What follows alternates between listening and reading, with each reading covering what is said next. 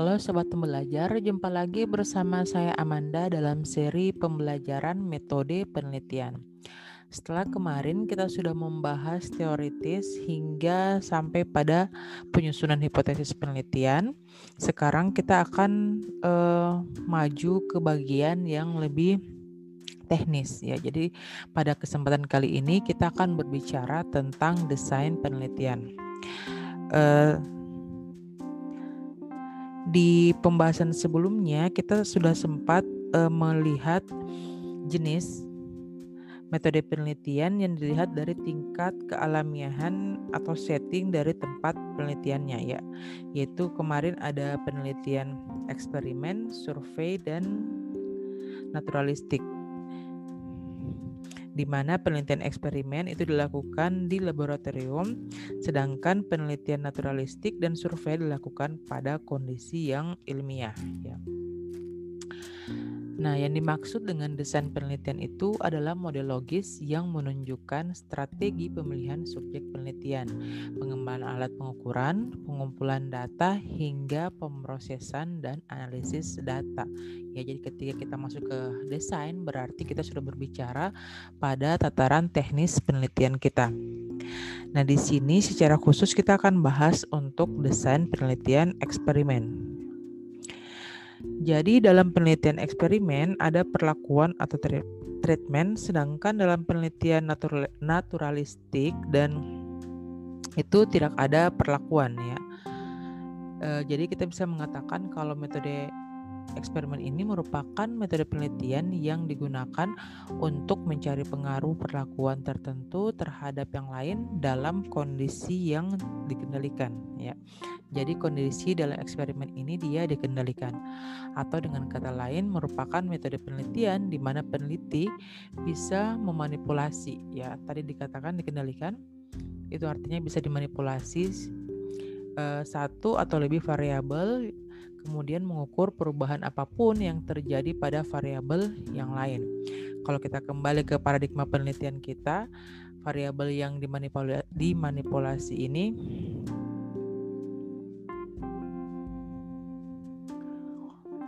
disebut dengan uh, variabel bebas atau perlakuannya sementara perubahan yang kita ukur itu akan kita lihat pada variabel terikat ya atau dependennya.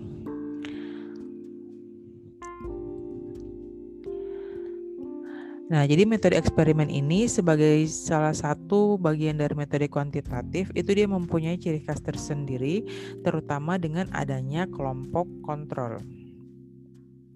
Nah, kalau misalnya dalam bidang uh, ilmu sains atau ilmu alam, penelitian penelitian-penelitiannya itu umumnya menggunakan desain eksperimen ini ya, karena variabel-variabel dapat dipilih dan variabel-variabel lain yang mempengaruhi proses eksperimen itu dapat dikontrol secara ketat. Khususnya itu karena uh, desainnya itu dilakukan dalam laboratorium di mana semua dalam laboratorium itu variabel-variabel yang berpengaruh langsung terhadap variabel uh, terikatnya itu bisa kita kontrol atau bisa kita minimalisir eh, minimalisir. Bisa kita kurangi atau kita tambah pengaruhnya sesuai dengan tujuan penelitian kita. Itu kalau penelitiannya ilmu alam ya. Tetapi bagaimana kalau yang kita meneliti itu pada tataran sosial ya jadi penelitian-penelitian sosial khususnya pendidikan, desain eksperimen yang digunakan untuk penelitian akan sulit mendapatkan hasil yang akurat. Kenapa? Karena banyak variabel luar yang berpengaruh dan sulit untuk kita kontrol. Contohnya eh, kita mau lihat eh, kita punya judul penelitian dengan eh, pengaruh metode mengajar kontekstual terhadap kecepatan pemahaman murid dalam pelajaran matematika. Ya, jadi pada penelitian ini untuk mencari seberapa besar pengaruh metode mengajar kontekstual, eh, kita harus membandingkan pemahaman murid sebelum menggunakan metode dan sesudah menggunakan metode atau dengan cara membandingkan kelas yang diajar dengan metode kontekstual dan kelas yang diajar dengan metode lain. Nah, Uh, jadi berdasarkan pemahaman yang tadi itu kita bisa uh, mengatakan kalau dalam desain eksperimen ini secara khusus itu melihat hubungan antar variabel independen dan variabel dependen. Uh, atau bisa kita katakan dia menggunakan uh, paradigma penelitian yang sederhana ya atau yang sederhana berurut. Walaupun pada prakteknya ada juga uh, penelitian eksperimen yang menggunakan uh, desain ganda ya desain ganda di mana variabel independennya itu bisa lebih dari satu ataupun variabel dependennya yang lebih dari satu dan ada juga var, uh, pen, variabel penelitian eksperimen yang menggunakan variabel moderator. Nah dari sini uh, variabel eh variabel lagi penelitian eksperimen sebagai bagian dari pendekatan kuantitatif itu dia memiliki validitas internal dan validitas eksternal. Ya validitas itu adalah ketepatan dalam pelaksanaan penelitian. Validitas kan kita sudah bahas sempat bahas kemarin itu berbicara tentang ketepatan Nah, validitas internal itu adalah validitas yang menunjukkan sejauh mana hubungan sebab akibat antara variabel independen dan variabel dependen yang ditemukan dalam penelitian. Sementara validitas eksternal itu menunjukkan kemampuan generalisasi hasil penelitian terhadap populasi yang representatif. Atau dengan kata lain, kita melihat bagaimana dari hasil penelitian ini bisa kita gunakan di populasi lain yang memiliki ciri-ciri yang mirip dengan populasi dari penelitian kita. Secara khusus tentang validitas penelitian ini akan saya bahas pada episode selanjutnya ya. Kita lanjut ke jenis desain eksperimen. Jadi ada empat desain eksperimen yang utama itu yang pertama ada desain pre-eksperimental ya. Nah, desain pre-eksperimental ini dikatakan seperti itu karena desain ini masih belum merupakan eksperimen yang sungguh-sungguh. Kenapa? Kenapa? Karena masih terdapat variabel luar yang ikut berpengaruh terhadap terbentuknya variabel dependen. Jadi hasil eksperimen yang merupakan variabel dependen itu bukan semata-mata dipengaruhi oleh variabel independen atau perlakuan yang kita berikan. Uh, ini kenapa bisa terjadi karena tidak adanya variabel kontrol dan sampel yang digunakan di desain ini tidak dipilih secara acak atau secara random. Nah jenisnya itu ada tiga. Yang pertama ada one shot case study, terus ada one one group pretest post test dan ada intake group comparison. Kita nanti akan bahas satu persatu ya. Yang berikutnya adalah uh, desain true eksperimental ya. Jadi dikatakan true eksperimental atau eksperimen yang betul ya atau yang sebenarnya karena dalam desain ini peneliti dapat mengontrol semua variabel luar yang mempengaruhi jalannya eksperimen. Dengan demikian validitas internal dapat menjadi tinggi ya. Ciri utama dari true eksperimental ini adalah sampel yang digunakan untuk eksperimen maupun sebagai kelompok kontrol diambil secara random dari populasi tertentu. Jadi cirinya adalah adanya kelompok kontrol dan sampel dipilih secara random atau acak. Nah, jadi true eksperimental ini dia itu uh, contohnya adalah post test only control design dan pre-test control group design. Yang ketiga ada factorial design. Jadi desain faktorial ini merupakan modifikasi dari desain true eksperimental, yaitu dengan memperhatikan kemungkinan adanya variabel moderator yang mempengaruhi perlakuan dari uh, yang mempengaruhi perlakuan atau variabel independen kita terhadap hasil atau variabel dependen. Ya. Yang terakhir ada kuasi eksperimental. Jadi bentuk desain eksperimen yang terakhir ini uh, digunakan karena pada kenyataannya uh, true eksperimental yang asli itu sangat sulit untuk kita terapkan ya. Jadi desain ini dia mempunyai kelompok kontrol tetapi tidak dapat berfungsi sepenuhnya untuk mengontrol variabel-variabel luar yang mempengaruhi pelaksanaan eksperimen. Uh, tapi bisa dikatakan kalau desain ini masih lebih baik daripada pre eksperimental tadi ya karena uh,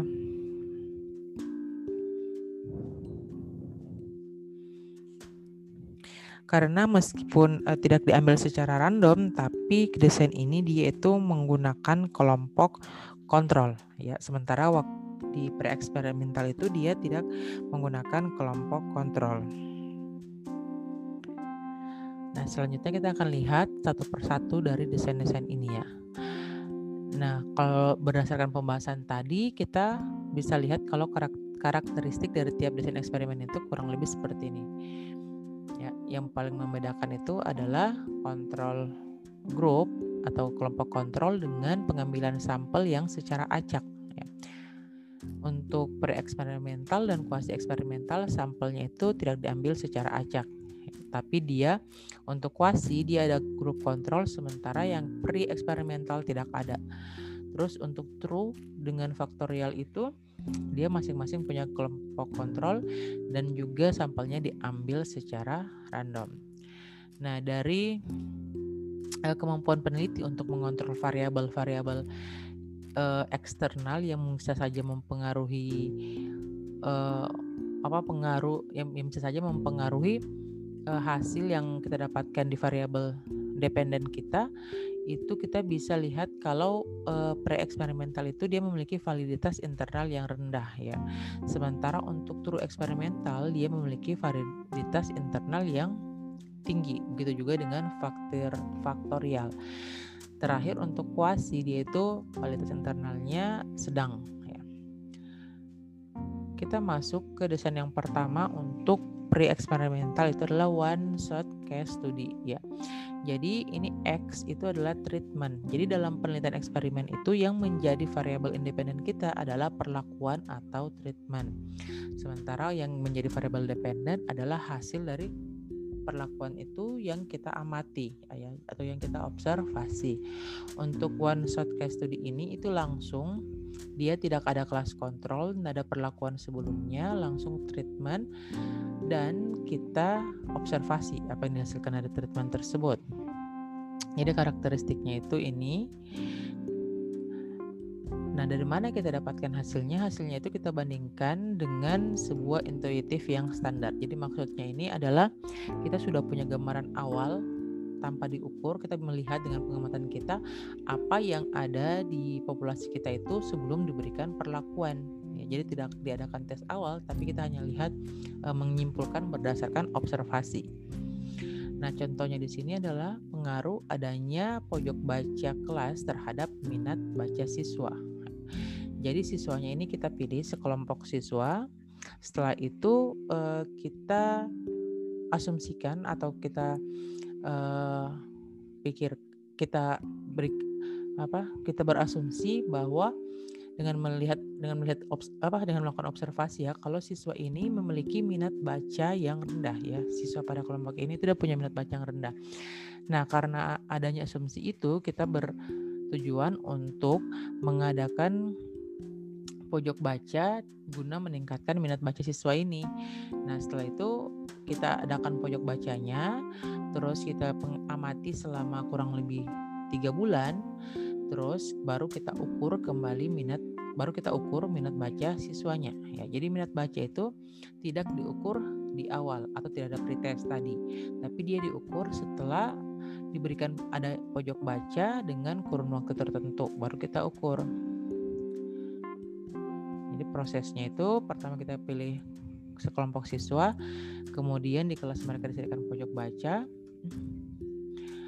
Lalu setelah tiga bulan kita akan ukur dan mengasum dan melihat kalau jika minat baca kelompok tersebut meningkat, maka kita menyatakan kalau pengaruh adanya pojok baca ya kalau adanya pojok baca kelas itu memberikan pengaruh positif terhadap minat baca siswa ya. Tapi dia model ini itu dia memiliki validitas internal yang rendah. Ya. Karena kenapa? Karena bisa saja e, minat baca siswa ini dia bukan dipengaruhi oleh adanya pojok baca ya, tapi bisa saja ada faktor lain misalnya seperti intervensi guru setelah diadakan pojok baca tersebut. Jadi bisa saja ini bukan menjadi uh, perlakuan itu bukan menjadi pengaruh utama terhadap uh, variabel terikatnya kita. Nah, selanjutnya itu adalah one group pretest post test ya. Jadi di sini kalau yang tadi itu tidak ada pretest, di sini dia ada pretestnya ya. Jadi setelah pretest di kelompok itu dilakukan perlakuan baru diadakan lagi post test. Jadi karakteristiknya meskipun tidak ada kelompok kontrol tapi ada pretest. Nanti hasilnya itu dibandingkan antara post test dan antara nilai post test dan pretestnya. Jadi katakan berpengaruh kalau eh, selisihnya itu tidak sama dengan nol ya. Nah, ini contohnya adalah pengaruh pemberian seminar terhadap tingkat literasi data mahasiswa ya. Jadi sebelum diadakan seminar itu eh, diadakan dulu pretest ya untuk mengukur tingkat literasi data uh, kelompok mahasiswa itu. Setelah diukur, kita adakan seminar bagi mahasiswa untuk yang isi seminar itu adalah tentang tentang literasi data. Setelah itu uh, kita ukur kembali uh, apalagi kita ukur kembali tingkat literasi data mahasiswa tersebut ya setelah diadakan seminar literasi data itu. Nah, ini juga dia memiliki validitas X uh, validitas yang rendah. Kenapa bisa dikatakan begitu? Karena bisa saja dalam proses ini uh, subjek kita itu dia masih mengingat soal-soal uh, yang diberikan di pretest. Sehingga berpengaruh ketika mereka mengikuti seminar dia konsentrasi pada hal-hal yang berhubungan dengan pretest. Sehingga pada post test itu dia bisa menjawab dengan lebih baik ya. Tapi bukan secara langsung merupakan pengaruh dari pemberian seminar ini. Desain yang berikutnya uh, yang terakhir dari pre-eksperimental ini adalah intake group comparison ya. Jadi dia ini tetap hanya satu kelompok, tapi dalam satu kelompok ini dia dibagi menjadi dua ya, dua subkelompok. Ya, di mana kelompok yang pertama uh, subkelompok yang pertama itu diberikan perlakuan sementara yang kedua tidak diberikan perlakuan. Jadi di sini juga tidak ada tes awal.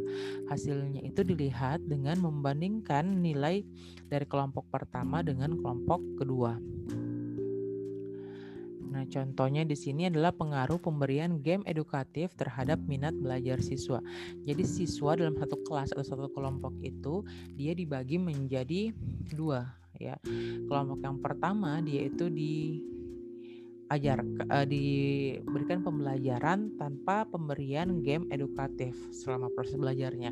Sebaliknya yang kelompok yang satunya dia itu diberikan pembelajaran dengan adanya pemberi, pemberian game edukatif. Setelah itu uh, setelah pemberian game edukatif dia selesai pada kelompok kedua diukur minat uh, belajar kedua kelompok tersebut. Nah, kalau misalnya ada perbedaan, berarti perbedaan yang positif atau dikatakan e, nilai dari kelompok yang diberikan game lebih baik, berarti kita mengambil kesimpulan kalau pemberian game edukatif itu dia memberikan pengaruh positif terhadap minat belajar siswa. Oke. Nah, sekarang pertanyaannya kalau kita punya e, satu judul penelitian dengan menggunakan desain pre-eksperimental tadi apakah kita hanya bisa menerapkan uh, satu desain saja ya jadi kan itu desain kita bisa pilih-pilih uh, jawabannya adalah tidak ya. Jadi misalnya untuk contoh di one shot case study tadi pengaruh adanya pojok baca kelas terhadap minat baca siswa ya. Kalau kita gunakan desain yang one shot berarti kita tidak mengadakan pretest ya, langsung diukur setelah uh, pemberian pojok baca kita langsung ukur pada setelah beberapa bulan bagaimana minat baca siswa. Kalau kita gunakan desain yang one group pretest post test berarti sebelum kita adakan pojok baca kita adakan dulu pretest untuk mengukur minat baca siswa. Setelah tiga bulan berjalan atau tiga empat lebih dari tiga bulan baru kita adakan post test uh, post test kembali untuk mengukur minat baca mereka. Dan kita juga bisa menggunakan desain yang intake group comparison ya di mana uh, sekelompok siswa itu kita bagi menjadi ada yang uh, belajar di tempat yang memiliki pojok baca dan ada yang belajar di tempat tanpa pojok baca. Setelah itu kita ukur masing-masing bagaimana minat bacanya setelah penerapan pojok baca tersebut selama beberapa bulan. Oke. Jadi dari satu judul atau satu rumusan masalah, kita masih bisa memilih desain mana yang mau kita gunakan ya. Jadi tidak berpatokan kalau misalnya tadi contohnya hanya di one shot case study berarti dia harus menggunakan one shot. Itu tidak harus ya. Dia bisa saja menggunakan one group pretest post test ataupun intake group atau bisa saja dia nanti menggunakan yang desain true eksperimental atau quasi eksperimental. Selanjutnya kita masuk ke jenis-jenis yang uh, true eksperimental ya. Jadi ciri utama dari yang true eksperimental itu adalah sampelnya itu diambil secara acak dan ada kelas kontrol. Nah di sini pada desain ini uh, pada kelas pada pertama itu uh, perlakuan yang O2 ini dia merupakan hasil tes dari kelompok eksperimen ya. Jadi di sini itu untuk eksperimen karena dia yang kena perlakuan. Sementara yang O1 dia merupakan hasil tes dari kelompok kontrol yang mana tidak kena perlakuan. Jadi karakteristik utamanya tadi yang sudah saya sebutkan dia itu diambil secara random sampelnya dan ada kelompok kontrol. Untuk yang desain ini dia tidak memiliki tes awal atau pretest ya. Hasilnya itu di, diperoleh dengan membandingkan uh, hasil pada kelompok kontrol dan kelompok eksperimen. Uji statistik yang biasa nanti kita akan kita gunakan pada desain ini adalah uji beda menggunakan uji T ya. Nah, contohnya ini tadi itu di pengaruh pemberian game edukatif terhadap minat belajar siswa ya.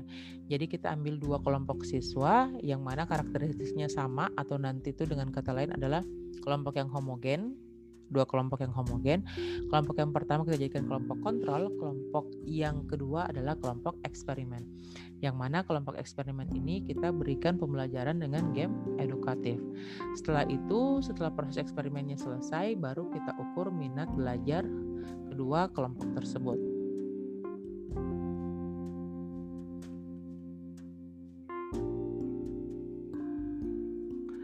Oke, selanjutnya desain yang kedua di true eksperimental ini adalah pretest, post-test, control group design ya. Jadi dia um, desainnya mirip dengan yang pretest, post-test untuk hmm, pre-eksperimental tadi ya. Tapi dia bedanya ada random dan ada kelompok kontrol. Nah, jadi di sini eh, tiap kelompok baik eksperimen maupun kontrol itu diberikan pretest. Nah, setelah di kelompok eksperimen diadakan perlakuan, maka diadakan post test. Begitu juga diadakan post test untuk yang kelompok kontrol.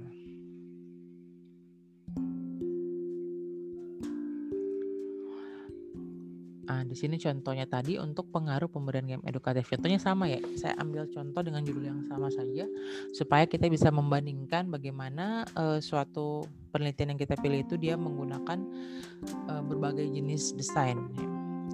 Nah, di sini tadi uh, di siswa kelompok kontrol itu dia diberikan pretest begitu juga dengan siswa di kelompok eksperimen ya. Setelah itu uh, setelah diberikan perlakuan pada siswa kelompok eksperimen diadakan post test ya di masing-masing kelompok baik kontrol maupun eksperimen. Nah, setelah true eksperimental, selanjutnya kita masuk ke faktorial desain desain faktorial ya. Jadi desain faktorial ini digunakan ketika kita punya variabel moderator ya, variabel moderator. Jadi di sini muncul y sebagai variabel moderator. Nah, di sini biasanya variabel moderatornya itu dia terbagi menjadi faktor-faktor atau tingkatan ya. Jadi misalnya kalau kita variabel moderatornya itu adalah motivasi, berarti motivasi itu dia kita lihat lagi dalam tingkatan-tingkatannya bagaimana yang dimotivasi tinggi, bagaimana dimotivasi sedang, bagaimana dimotivasi rendah. Oke, jadi dia punya faktor-faktor. Nanti kita akan lihat di contohnya ya. Nah, di sini juga dia punya kelompok eksperimen dan punya kelompok kontrol. Nah, hasilnya itu dibandingkan uh, kita membandingkan nanti antara interaksi tiap kelompok ya. Jadi karena desain faktorial ini dia uh, ada variabel moderatornya yang tiap tingkat kita ukur itu nanti kita akan lihat uh, perbedaan pengaruhnya itu melalui interaksi tiap kelompok ya. Lebih jelasnya kita lihat contohnya di sini.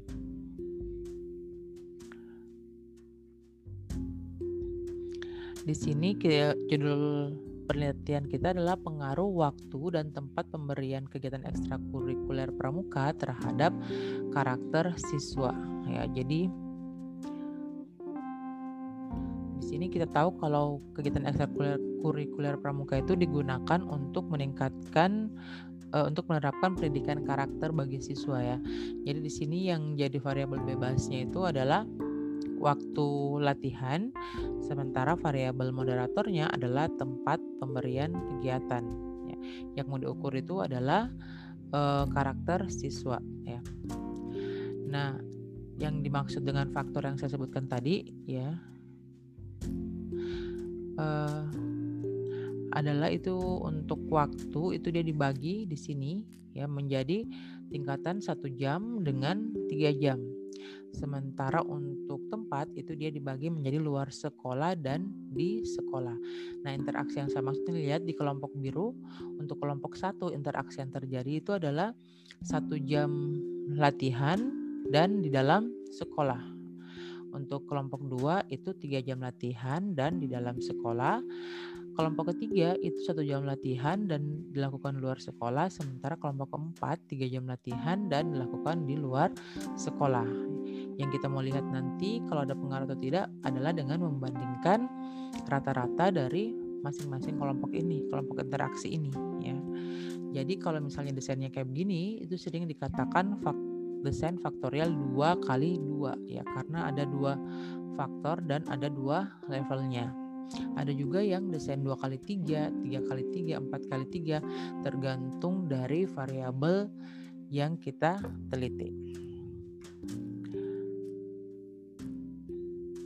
Selanjutnya kita masuk ke uh, desain kuasi eksperimental ya. Yang pertama itu adalah time time series ya.